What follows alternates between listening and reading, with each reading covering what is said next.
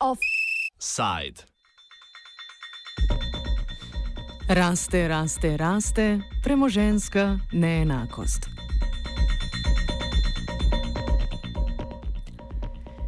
Novo poročilo mednarodne organizacije o Oxfam govori o večanju premoženske neenakosti. Lani je tako 82 odstotkov novo ustvarjenega bogatstva končalo pri najbogatejšem enem odstotku prebivalstva, medtem ko se polovici prebivalstva premožensko stanje ni izboljšalo. Leto je bilo tako rekordno za nastanek dolarskih milijarderjev, teh je letos 2043, v povprečju pa je vsake dni nekdo postal nov milijarder. Premoženje teh 2043 milijarderjev se je lani povečalo za 762 milijard dolarjev. S to vsoto bi lahko sedemkrat odpravili svetovno revščino, torej sedemkrat odpravili sloj ljudi, ki živijo z manj kot dvema dolarjema na dan. Nick Bryer iz Oxfama pojasnjuje, čemu pripisuje letošnje rekordno povečanje števila dolarskih milijarderjev. It is part of a longer term trend. We've been seeing uh, for many, many years now that uh, um, wealth and income inequality are increasing, um, that wealth is going to the top uh, and not to those at the bottom, that our economy is structured in a way that means if you're already rich, it's really easy to get much richer. And if you're poor, it's very hard to change that and to escape from poverty. So the trend is, is clear and, and the numbers we see from the last year are consistent with that. The surprise, I think, is just how quickly it's happening now. Seeing, you know, billionaire fortunes have been going up six times faster than wages for about a decade now, but, but that seems to be accelerating too. So, so that's the surprise, I suppose. But again, it's, it's reasonably easy to see why it's happening. Uh, the stock market has had a really good year globally. Stocks and shares have done well, and those are overwhelmingly owned by rich people.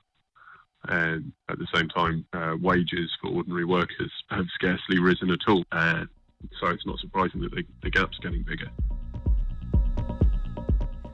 Na globalni ravni se dohodkovna neenakost počasi zmanjšuje, predvsem zaradi povečevanja prihodkov na Kitajskem in v Indiji. Na globalni ravni so se tako plače delavcev v povprečju v obdobju od 2006 do 2015 povečale za 2 odstotka.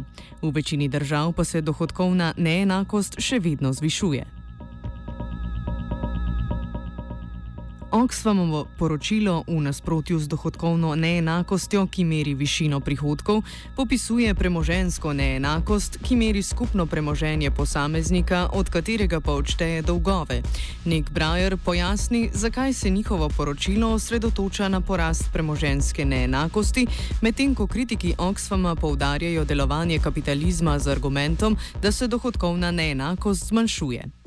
Wealth inequality is uh, one of the reasons we care about it so much is that the the levels are just so extreme, uh, much higher even than than with income inequality, and that matters for lots of reasons. So, having some wealth, something saved up, ownership of your own land or livestock, for instance, these are all things that give you a lot more control over your own life. It gives you more freedom and more choice. It makes you less vulnerable to risks and, and shocks. If you someone in your family gets sick, for instance, you have to pay medical bills. Having some money saved up is important for that. And what we see globally is that the bottom half of the world's population, three and a half billion people, they only have one percent of the world's wealth. In other words, these people have very little uh, in, in the way of a safety net.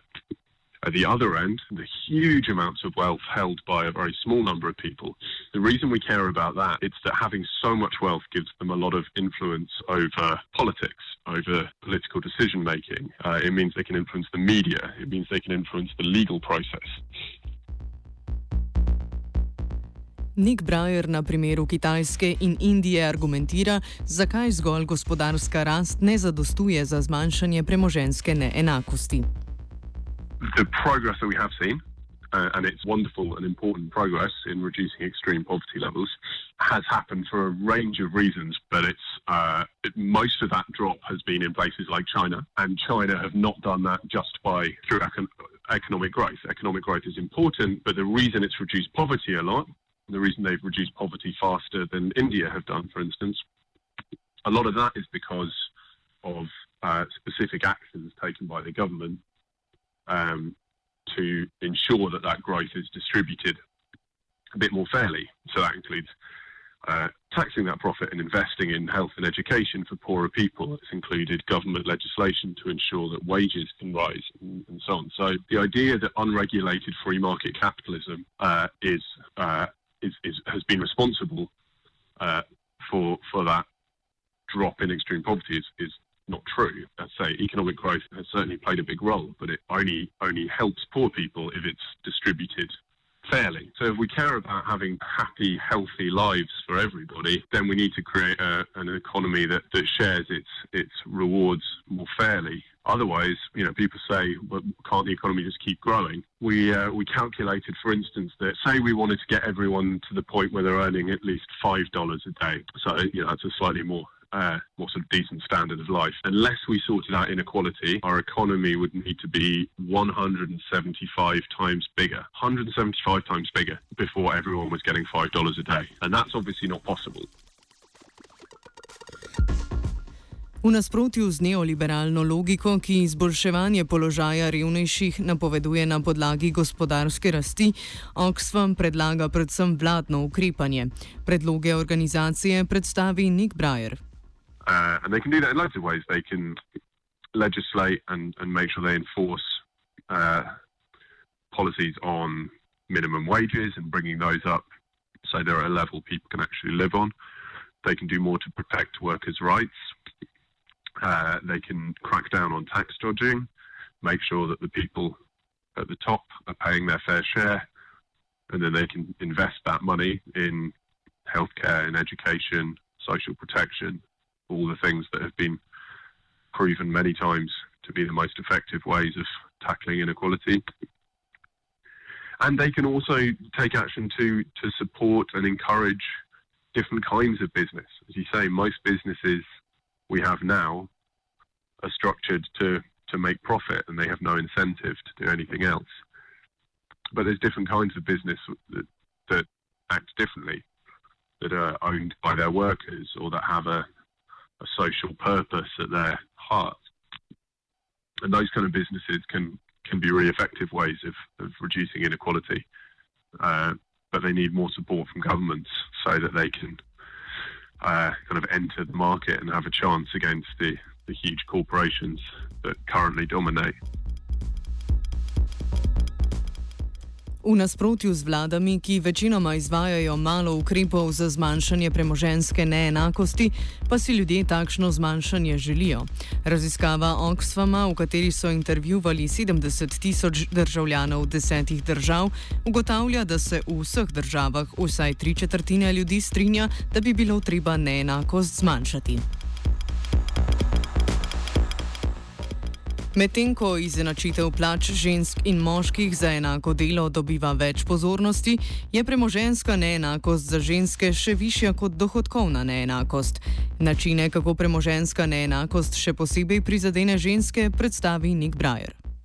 Almost anywhere you look around the world, um, well, that's say Slovenia has some of the better uh, numbers on this than almost any other country, but uh, but almost everywhere you go, uh, women uh, uh, earning less than men for doing the same work. The pay gap, uh, and women own significantly less than men, which we call the wealth gap.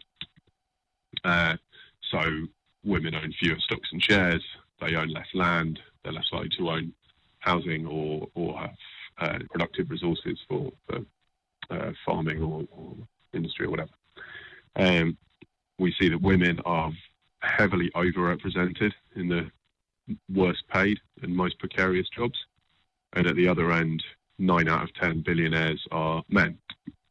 So it's pretty clear what we have is a, an economic system that is set up to work very well for rich men, uh, and it works very badly for particularly poor women.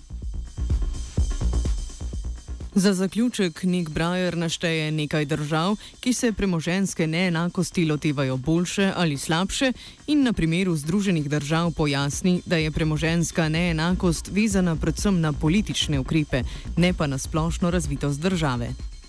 When we did that, uh, Nigeria came bottom. So that was the country where we felt the government was doing uh, least to try and combat inequality. And uh, Sweden came top. Uh, and it's true, a number of wealthy European countries did come near the top. Uh, but it's not as simple as to say, you know, rich countries are doing well and poor countries are doing badly. Um, you know, a country like South Africa, for instance, it has it does have very high levels of inequality, but they are trying to do something about it, uh, and they actually came did better on our index than the United States, um, world's richest country, has very high levels of inequality, uh, and the policy decisions that their government uh, are making. Mm, that's not just Trump. That's you know, this has been true for a long time. Trump may have accelerated it. Uh, they're making policy decisions that will increase inequality further. We can look at countries like uh, Namibia or Chile, Uruguay, uh, you know, middle-income countries or low-middle-income countries who are who are really making great efforts uh, again through better minimum wages, through public spending, and so on. Nothing really revolutionary, but they're doing a great job of trying to reduce inequality within their countries. Um, so there are there are positive examples to look at. Um, yeah, Slovenia is a good example of a uh, a country that isn't the richest, but uh, is doing really well on lots of these measures on income inequality, on gender inequality, and so on. Slovenia does better than than than almost anywhere. Uh, so there are positive examples to look towards. Overall, though, globally, the picture is that the majority of countries and the majority of governments are doing much less than they could and should be doing. Offside je spisala Gea.